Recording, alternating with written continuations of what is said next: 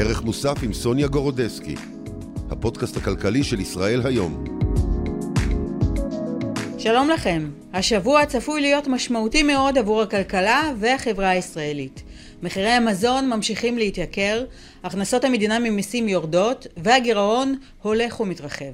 ואם זה לא מספיק, בסוף השבוע חברת הדירוג הבינלאומית S&P תפרסם את הודעת הדירוג שלה עבור ישראל.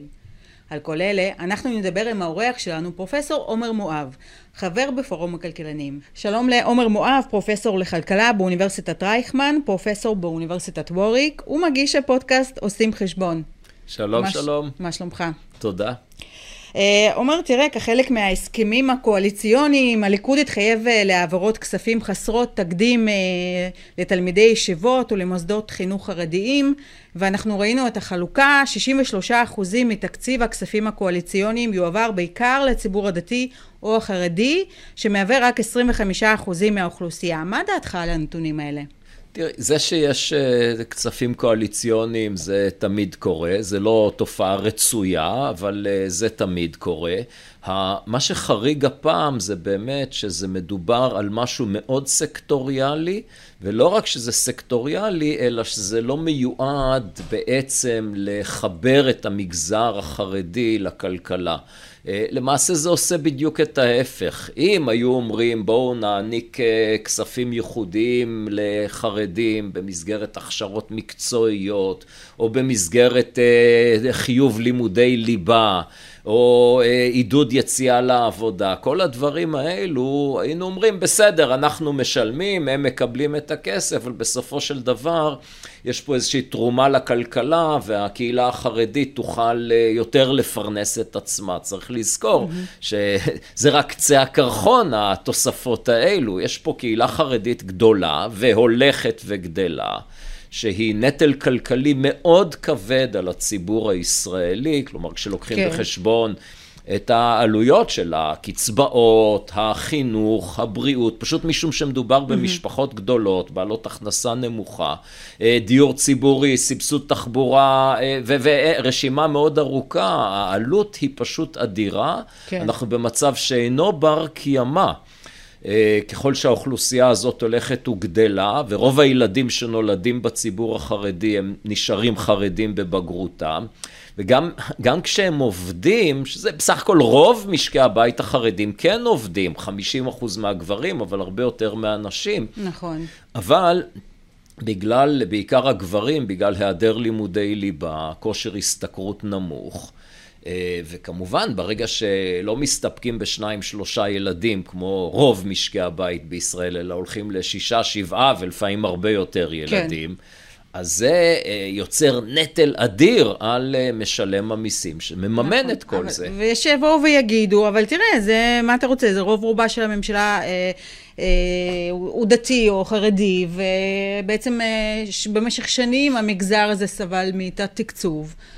אז, אה, אז הנה, אז עכשיו אה, גם כן. אה, הם מקבלים את מה שמגיע להם, וכמו שסמוטריץ' אמר אתמול, הם כנראה לא ישקיעו מספיק בחתולים וגם לא בדברים אחרים, אבל כן ייתנו כסף לאוכלוסייה שהיא בת, הייתה כן, באמת בתת תקצוב. כן, אני, אני לא מקבל את הטענה שזאת אוכלוסייה בתת תקצוב, זו באמת אוכלוסייה שהתרומה שלה לכלכלה היא שלילית. אה, כמובן שהתרומה שלה לביטחון היא לא קיימת, אה, כן? אז מכל הבחינות זאת אוכלוסייה שיושבת על הגב של יתר הציבור, אה, מקבלת הרבה מאוד כסף. העובדה שהם חיים ברמת חיים נמוכה, יחסית זה בעיקר בחירה שלהם, זה לא, אי אפשר להאשים את הציבור הרחב שמשלם מיסים בעניין הזה. אבל אולי סמוטריץ' עולה פה על נקודה מעניינת שאנחנו צריכים להכיר, זו דעתי לפחות. בעובדה שאנחנו לא שבט אחד, אלא יש פה קבוצות מאוד שונות, מאוד מובחנות זו מזו, ובהחלט ייתכן שדווקא המסורת הישראלית, השורשים הסוציאליסטיים, שהמדינה צריכה להיות מעורבת בכל דבר, והמדינה צריכה לממן, אה, סמוטריץ' אמר חתולים, אבל אני אגיד אה, תיאטרון ותרבות ו... מגוון מאוד רחב של דברים, וזה מוביל לזה שהמדינה גם מממנת בתי כנסת ומקוואות וקצבאות ייחודיות לאברכים וכולי וכולי וכולי. כן. ולדעתי היה כדאי שאנחנו, המגזר החילוני, המסורתי, אה, בשונה מהדתיים והחרדים, נבין שאולי מוטב ללכת לחוזה חדש. שבו יש פחות התערבות של הממשלה, ושכל מגזר יעשה עם הכסף שלו מה שהוא רוצה. הייתי מעדיף שלא יסבסדו לי תיאטרון, ושלא יבקשו ממני לסבסד גידול של הרבה מאוד ילדים ומקוואות. אז אתה ממש מדבר על הפרדה אה, לסוג של אה, שתי קהילות, שתי מדינות? לא הייתי אומר שתי מדינות, ושכל אחד תתנהל כן. אה, לפי התקציב שלה, לפי הכסף שהיא מרוויחה בעצם? אני הייתי, אני בסך הכל מדבר לא על הפרדה לקהילות, אלא mm-hmm. לפרטים, שלהכיר בזה שיש פה משקי בית, ומי שרוצה בצורה וולונטרית להתארגן ולתרום לתיאטרון או לתרום להקמת בית כנסת, mm-hmm. שיעשה את זה. Okay. אוקיי. Uh, כמובן שאנחנו מדינה אחת, והרעיון של להפריד אותנו לשתי מדינות או ארבע מדינות הוא מאוד בעייתי. אתה לא מסכים עם זה. אני, אני חושב לא שהוא... חושב שזה יכול לקרות. תראי, אני חושב שזה... הלוואי והיה אפשר, אבל אני חושב שזה טכנית בעייתי. אבל ודאי, אנחנו צריכים צבא אחד, מערכת... אבל כן, היה, היה רצוי לאור... החיכוך המאוד גדול שקיים פה, באמת לעשות קצת פחות ממשלה מרכזית, יותר רשויות מקומיות, יותר בני אדם כן. כפרטים. אז אם אני גם ככה מנסה לסכם, אז הבעיה בכספים הקואליציוניים זה לאו דווקא הסכומים שיוקצו למגזר החרדי והדתי, אלא לאן זה הולך בעצם, שהם לא משקיעים, שהכספים האלה לא יושקעו בצמיחה, כלומר, אם, אם, לפי מה שאתה אומר, כן, אם כן. הכספים, אותם כספים, אותם סכומים, היו מושקעים נגיד בתשתיות בערים החרדיות, או אה, בקורסים אה, של תעסוקה, אה, אז אולי זה היה נראה אחרת. שוב, נכון, תראי, אני מסתייג מכל העניין הזה, אני חושב שדיברנו בעבר על ההפיכה השלטונית. למה כלכלנים מאוד מוטרדים מההפיכה השלטונית? בגלל שיש פה מה שהכלכלנים מזהים כ, או מגדירים כמעבר ממוסדות כלכליים מכלילים למוסדות נצלניים. מוסדות מכלילים אלו, זה רוב המדינות הדמוקרטיות הליברליות, המוסדות הכלכליים הם כאלו שהם כולם שוויוניים, שוויוניים בפני החוק, וכל אדם יש לו את ההזדמנות אה, לעסוק בפעילות כלכלית ולשלם מיסים בהתאם להכנסה שלו, והמדינה מחזירה שירותים בצורה לפי קריטריונים שוויוניים. בעוד שמוסדות נצלניים הם מוסדות שעושקים את הציבור הרחב למען מקורבי השלטון, ועכשיו החרדים הם מקורבי השלטון. תראה, יכול להיות שגם החרדים עושים פה טעות, במובן שזה כמו שבעבר עם חוק אלפרט, שכשהם כן. הגזימו, זה חזר אליהם בסוף כמו בומרנג. זה לא כדאי גם להם. יותר מזה, תראי, שוב, אני לא בא ללמד את החרדים כלכלה, כי יכול להיות שהגישה שלהם היא כלכלה בעזרת השם.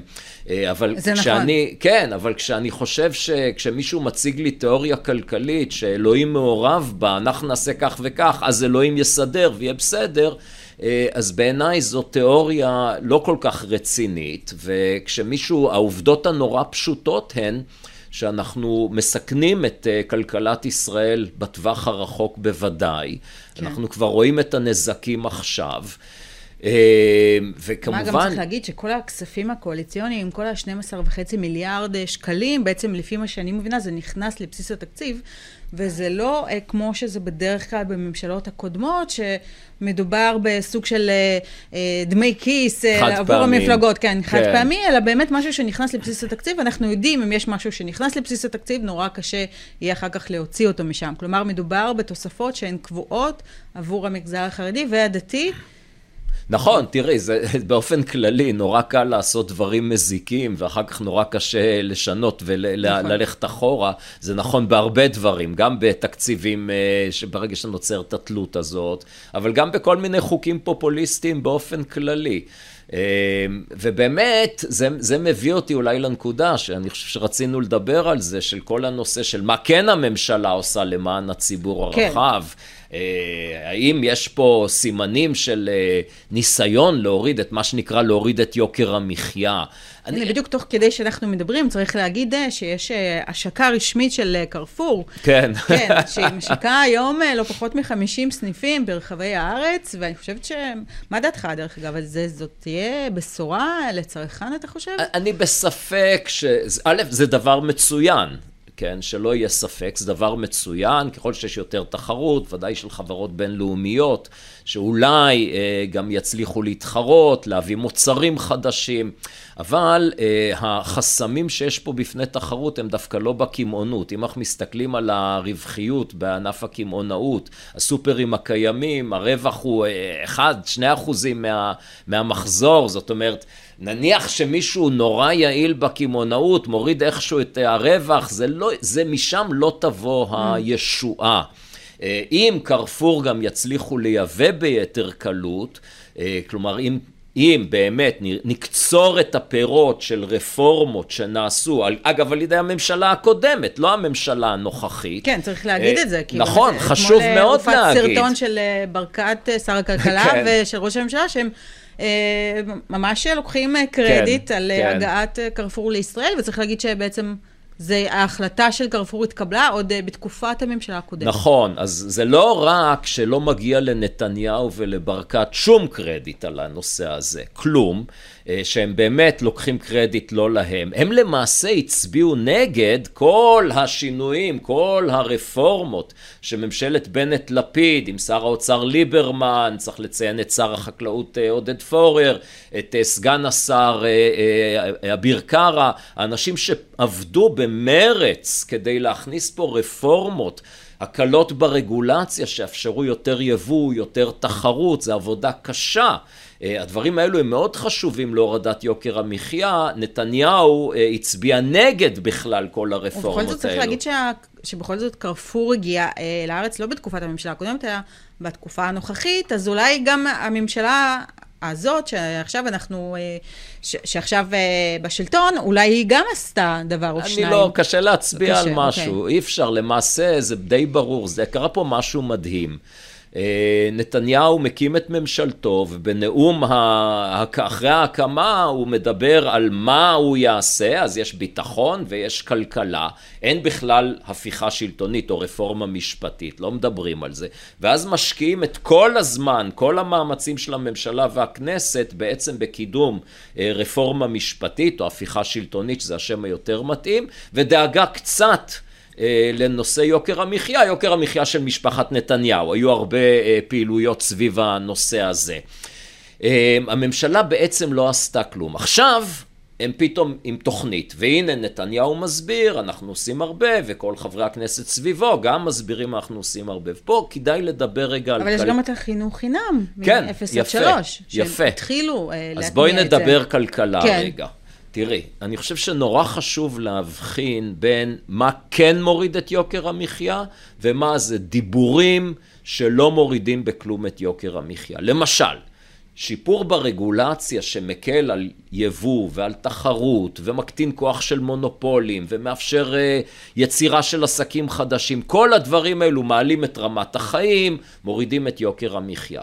לעומת זאת, אם הממשלה לוקחת כסף ציבורי כסף של מעשה אין אותו בקופה, כלומר היא לוקחת, מגדילה את החוב של ממשלת ישראל, ואת הכסף הזה מחלקת לציבור, זה לא מוריד את יוקר המחיה. מדוע?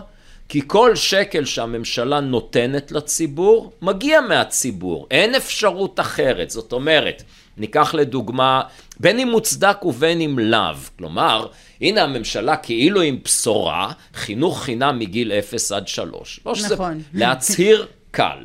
אה, לבצע קשה. אה, נתניהו הבטיח שזה לא רק שזה יהיה חינם, זה יהיה גם באיכות מאוד גבוהה. אני מוכן להתערב איתך כאן, סוניה, שזה לא יהיה באיכות גבוהה. בינתיים זה לא לגמרי בחינם, כן, וזה גם לא יהיה בחינם, וגם אם זה בחינם, זה יהיה על חשבון המיסים שאנחנו נשלם. כלומר, או שיגדילו גירעון, או שיעלו מיסים, או שיקצצו לנו שירותים במקום אחר. אין, זה לא כסף שנתניהו הביא מהבית, או ששר האוצר הביא מהבית. והעובדה המתמטית הזאת, זה מעבר לכ... זה מתמטיקה פשוטה. איכשהו נוטה לחמוק מהדיון הציבורי, ואז יש לנו אה, אה, ראש ממשלה שמתגאה במהלכים נורא קלים. מה יותר קל מאשר להכריז מעכשיו חיילים משוחררים יקבלו לימודים חינם? מי מתנגד לזה? אף אחד. האם בזה שנתניהו הכריז לימודים חינם לחיילים משוחררים, הוא איכשהו הקל על יוקר המחיה. לא, הוא העביר כסף מכיס לא חושבת, לכיס. כן. אגב, בצורה מאוד לא שוויונית. כל הנושא הזה, כהערת אגב אני אגיד, כל הנושא הזה של הטבות לחיילים משוחררים, זה עוול לחיילים. למה? מדוע? כי בעצם זה מעודד את אלה, ש... את האוכלוסייה שכן עדיין מתגייסת. אה, אז לא, אז תראי, זה יש לזה אותה עלות. להמשיך להתגייס אז ולדעת, נכון. להבין שהם מוערכים על ידי המדינה, ויש גם אה, צ'ופרים שהם מקבלים. נכון. למה בעצם? כן. אז אני אגיד לך איפה, מה את, את צודקת שאם אנחנו מקציבים יותר כסף למען חיילים, זה מצוין, אני בעד. אני בעד להגדיל לחיילים את המשכורת בצורה משמעותית. אבל אם נותנים לחיילים הטבות שהן מותנות במשהו אחר, תחשבי למשל על שני חיילים ששניהם משרתים את אותו שירות, קרבי, קשה, אה, כתף ליד כתף, עובדים ביחד. ו... אבל אחד מהם מגיע מרקע חזק, ויש לו אה, איי-קיו גבוה, ויכולת להתקבל לאוניברסיטה. השני אין לו את זה, מה לעשות? לא לכולם יש. מה בעצם באה המדינה ואומרת? זה שכבר הגיע מרקע חזק, הוא יקבל מאיתנו עוד כסף כסבסוד ללימודים. ההוא שלא יכול ללמוד, לא יקבל. זה עוול, זאת אפליה. כמובן שהאפליות היותר מקוממות, זה כל מיני עבודה מועדפת ועוד מגוון. אגב, עשיתי על זה פרק בפודקאסט שלי, עושים חשבון. רשימת ההטבות שיש לחיילים משוחררים, צריך לזכור, זה על חשבונם, כי היה אפשר את אותו כסף פשוט לתת להם כשכר, או מענק שחרור אה, גדול. זה פשוט רשימה כל כך ארוכה. אבל אז הם היו מבזבזים אותו, אתה יודע, בסך הכל, בסך הכל כן. מדובר באנשים צעירים, בני 20 פלוס, שאולי היו מנצלים את זה לטיול אחרי הצבא בהודו. אה, את יודעת? אז מה שאני אומר שם, אני כמובן משיב לטענה הזאת. השימוש הכי טוב בכסף הזה במענק השחרור זה טיול בחו"ל. למה? כן? אוקיי. כן, אני אגיד לא לך הלימודים. גם למה. אני אגיד לך בדיוק למה. כי הרי החיילים המשוחררים בכל מקרה רוצים לעשות את הטיול בחו"ל. אז מה הם עושים? אז הם מבזבזים שנה, נכון. שנתיים מהחיים שלהם כעובדים כמלצרים. זה מעכב את כל מסלול הקריירה שלהם. כלומר, היום שנתיים זה בעצם על חשבון שנתיים של ותק לאורך כל נכון. הקריירה, כמהנדסים, כאנשי הייטק, כמורים, כמה שלא יהיה. זה בזבוז משאבים אדיר. הכי טוב שיקחו את הכסף הזה וייסעו איתו לחו"ל, יחזרו, ילכו נכון. ללימודים. זה שימוש הכי יעיל שיש. מעבר לזה, אם מישהו מספיק בוגר כן. להחזיק נשק ולהגן עלינו, לטעמי הוא מספיק בוגר כן. לקבל החלטות כלכליות. נקודה מעניינת. אה, רציתי לדבר איתך על עוד נושא כמובן. אה, ביום אה, שישי בלילה חברת הדירוג הבינלאומית S&P צפויה להודיע על דירוג האשראי אה, אה, עבור ישראל, אה, ואנחנו זוכרים שבחודש אפריל מודי'ס הורידה את אה, אופק הדירוג של ישראל מחיובי ליציב. האם לדעתך גם S&P תלך בעקבות מודי'ס ותוריד את תחזית הדירוג של ישראל? בואי נגיד כך, היא לא תעלה את תחזית הדירוג, זה כן, בטוח. אוקיי. אם תוריד או תשאיר יציב, אין לי באמת, אני לא, לא יכול לנחש. אני, אני מבין את הכלכלה, את מה שקורה בישראל. אני חושב שיש המון סימני שאלה. הנזק של ההפיכה השלטונית הוא כבר כאן, אבל זה רק חלק מהנזק. כלומר, יש פה נזק בלתי הפיך, בלי שעוד עשו כלום, רק הציפייה, הסיכוי שיעשו הפיכה שלטונית, שהמוסדות הנצלניים יתחזקו, שתהיה פגיעה בזכויות קניין, דיברנו על כל הדברים האלו, אין mm-hmm. טעם לחזור על זה. אה, קשה, אני מניח, גם ל-S&P, כמו שהיה קשה למודי'ס, לדעת מה יקרה בעתיד. חשוב לציין, מודי'ס ציינו את, אה, את המחאות כדבר שדווקא תורם לכלכלה, כי הוא מראה שיש פה ציבור רחב שהוא מעין משהו שמאזן טיפה, איזשהו בלם מאזן של הממשלה. אני אגב חושבת שמודי'ס היו טיפה יותר, קצת חרגו מהנורמות הכלכליות אה, בהודעה שלהם, והיו טיפה, נקטו באיזושהי עמדה פוליטית. אתה לא חושב? לא, אני לא חושב ככה. אני חושב שהם, שמה שהם דיברו, באמת ציינו את העובדות. יש פה עובדה אמיתית. אין ויכוח, אין, באמת, אין ויכוח בין הכלכלנים שההפיכה השלטונית הזאת היא מזיקה לכלכלה. שוב, יהיה, תמיד אפשר למצוא שניים, שלושה כלכלנים, כלכלנים אה, זוטרים לחלוטין. כן. אה, אז מתוך מאות מצאנו שניים, שלושה. אגב, נכון. אף אחד מהם הוא לא איזשהו כלכלן חוקר רציני כן. באוניברסיטה.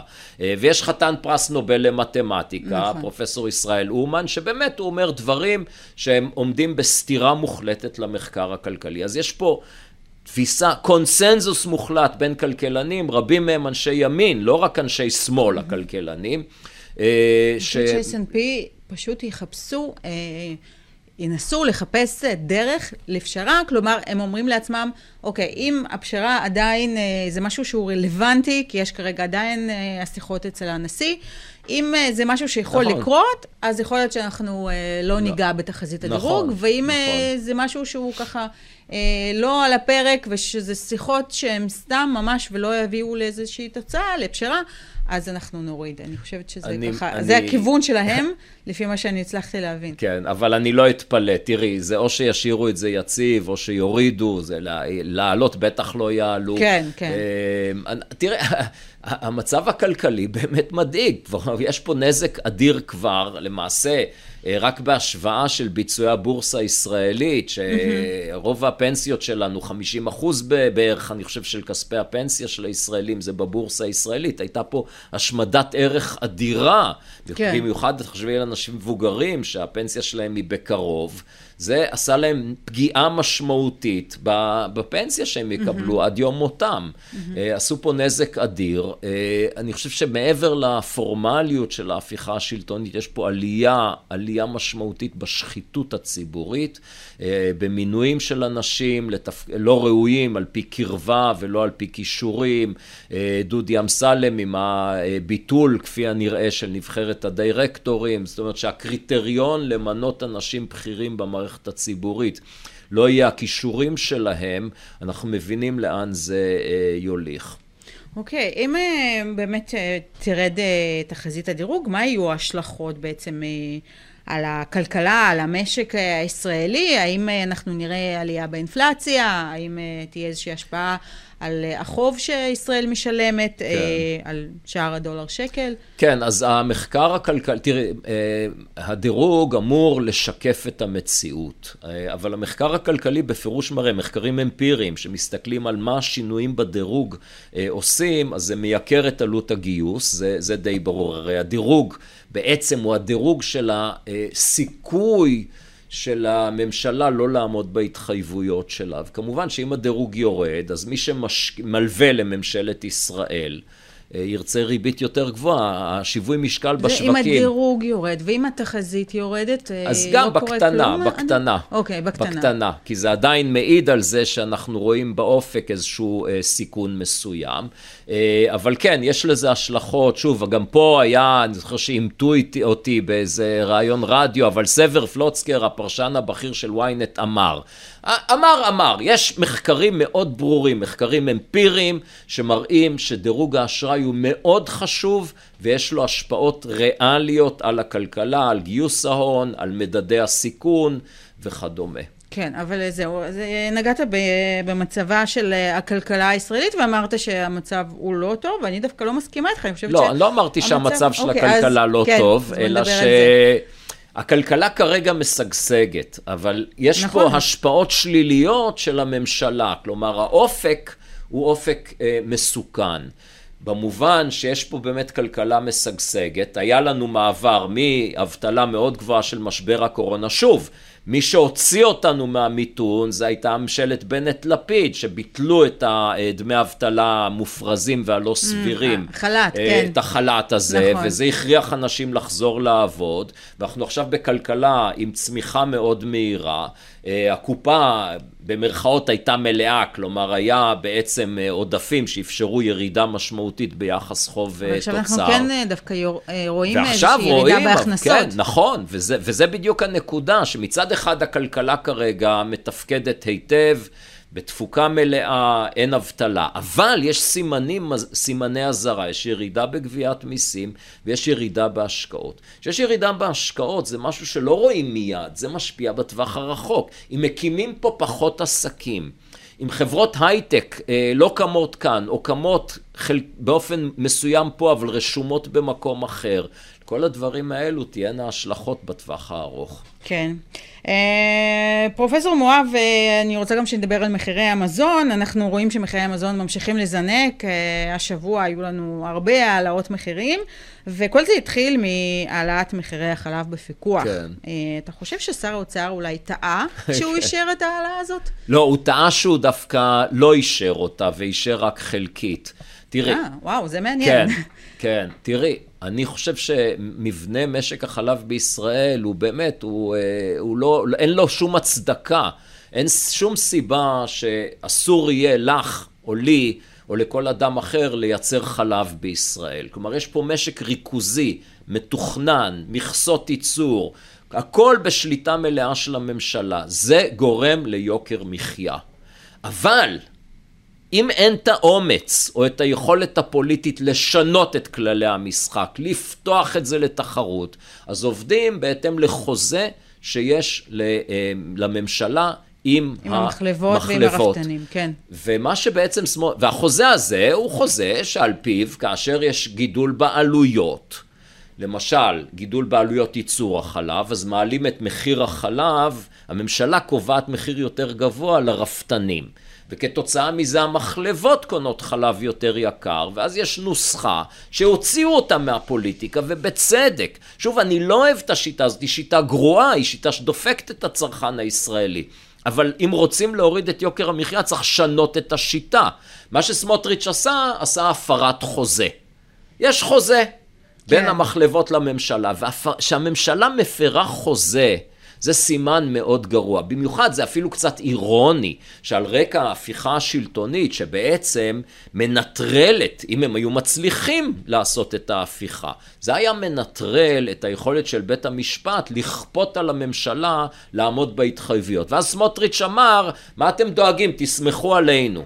כלומר, א', זאת כמובן הצהרה מגוחכת שאין כדוגמתה. נגיד שאני סומך על סמוטריץ', האם הוא יהיה שר אוצר לנצח? יכול להיות שזה מה שהם מתכוונים, שבאמת הם עושים פה הפיכה, וכל ההתנהגות שלהם רומזת לזה שהם ינסו לחבל בבחירות הבאות. ייתכן. אבל כך או כך, אתה אומר תסמכו עליי, ומיד אתה מפר חוזה מול המחלבות, זו התנהגות בלתי אבל סבירה. אבל תראה, אני, אני חייבת לא להסכים איתך, אם מחיר החלב המפוקח היה עולה ב-16-17 אחוזים, אה, איפה היינו היום אה, מבחינת המחירים האחרים? כי מיד אחרי שמחירי החלב בפיקוח עלו, אז אנחנו ראינו העלאות מחירים אחרות, אנחנו ראינו גם ש... אה, מחירי החלב הלא מפוקחים עלו, וגם אה, דיפלומט, דיפלומט ושסטוביץ' גם יקרו את המוצרים שלהם. אה, פסטה ברילה וקטשופ איינס כן. וקפה אה, ג'ייקובס ועוד ועוד מוצרים. אני חושב, סוניה, שזה אז... הולך הפוך. הסיבה שהם העלו את, המוצ... את מחירי המחלבות, את מוצרי, בצורה דרסטית, את מחירי המוצרים שלא בפיקוח, כי הם צריכים לפצות על זה שהם, שלא אפשרו להם להעלות בהתאם לחוזה את המחירים בפיקוח. אה, אני לא רואה גם איך אה, שסטוביץ' מעלים מחירים בגלל ש... או יותר או פחות, בגלל שסמוטריץ' העלה את זה בתשעה אחוז ולא בשישה עשר אחוזים. רוצים, יש פה בעיה, כן, שסטוביץ' זה מונופול. העגלה, עכשיו הם אומרים, כל בס... הספקים כן. אומרים לעצמם, אם המדינה מרשה לעצמה לייקר בעת הזאת, אבל, כנראה כן. שזה בסדר, אז הכי נוח לנו אה, בתזמון הזה להעלות את המחיר. אני מסכים שהתזמון עוזר. אבל צריך לטפל בבעיות השורש. להגיד, אני עכשיו אפר חוזה מול המחלבות, כדי ששסטוביץ' לא יעלו מחירים, זה לא רציני. אם okay. רוצים, אוקיי. צריך להילחם בבעיה, במקור הבעיה. אין ספק ששסטוביץ' ויש ודיפלומט, יבואנים עם כוח מונופוליסטי, שצריך להילחם בזה. עכשיו, זה קשה, נורא קל לעמוד ולתת נאום, הנה אנחנו נותנים לכם כסף. זה נורא קל. אבל לעשות את העבודה הקשה של להבין איך שסטוביץ', כדוגמה, מצליחים לחסום תחרות ולטפל בפרצות האלו בחוק וללכת ל... למצוא עדויות ולתבוע אם צריך, אם יש עדויות. כן. אה, סתם לנפנף בידיים ולהגיד מונופולים, מונופולים, זה לא עוזר אם אין לנו דרך פעולה.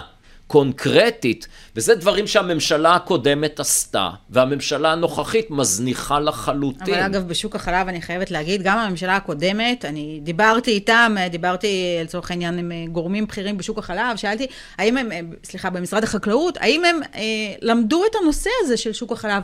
איפה בשרשרת הזאת, מי גוזר קופון? אה, איפה זה מתחיל? למה מחיר החלב בישראל כל כך יקר, כשהפרה הישראלית היא כל כך אה, טובה מבחינת אה, צור כן. החלב? כן, אז אה, הם אמרו לי שגם הם לא כל כך אה, למדו את הנושא הזה אני, לעומק. אני אגיד לך לגבי אה, הצד של החקלאות. הממשלה הקודמת, בעצם באופן די מפתיע, הצליחה לעשות הרבה רפורמות. למרות הרבה מאוד חברי כנסת שניסו לחבל. אז פה באמת היו לנו נציגים של הלובי החקלאי שפעלו נגד הציבור בישראל. תמיד הדיבורים זה דיבורים על ציונות וסיוע לחקלאים, אבל משרד החקלאות והממשלה בכלל רצו לעשות מעבר מהגישה של אה, סובסידיה עקיפה דרך מגבלות על כמות, מכסות ייצור, חסמי יבוא, לסובסידיה ישירה. קחו כסף, אבל תנו לנו לפתוח את השווקים. אה, היו חברי כנסת שחיבלו במהלך הזה. וזה די מפתיע שכן הצליחו בכל זאת לקדם דברים. אז כן, הממשלה הקודמת בנושא של פתיחת משק החלב לתחרות לא הצליחה. אגב, התשובה כן. לשאלה שלך היא די פשוטה. אה, כמעט תמיד שיש אה, מחירים שנקבעים על ידי הממשלה, אז המחיר דווקא יהיה גבוה יותר mm-hmm. מהמחיר שמתקיים בתחרות. המחקר מראה שלאורך זמן זה מה שקורה, ואם כן קובעים מחיר נמוך מדי, אז נוצר מחסור. כלומר, כל השיטה, תראי, למנגנון, היא לא יעילה. למנגנון המחירים יש תפקיד. מנגנון המחירים הוא המנגנון שבזכותו כלכלה שוק תחרותית עובדת. יש יותר ביקוש מהיצע, המחיר עולה, ההיצע גדל.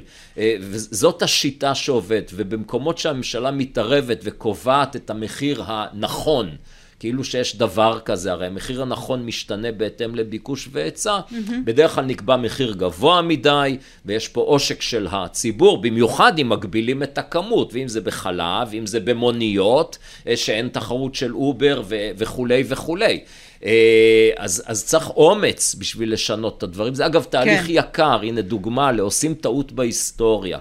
מייצרים בעצם נכס מלאכותי, מכסת ייצור. עכשיו כבר יש בעלי מכסות שאפילו קנו אותם. אה, בין אם זה הרישיון זכות ציבורית במונית, או בין אם זה מכסת ייצור של חלב. ועכשיו קשה לבטל את זה, צריך כן. לפצות פתאום את מי שנפגע. אבל היה נכון לעשות את הדברים האלו. אה, כך או כך, התמחור של אה, חלב לרפתן מבוסס על הרפתות הפחות יעילות. כלומר, בואו נשאיר רווח גם לרפת הפחות יותר. יעילה, הקטנה.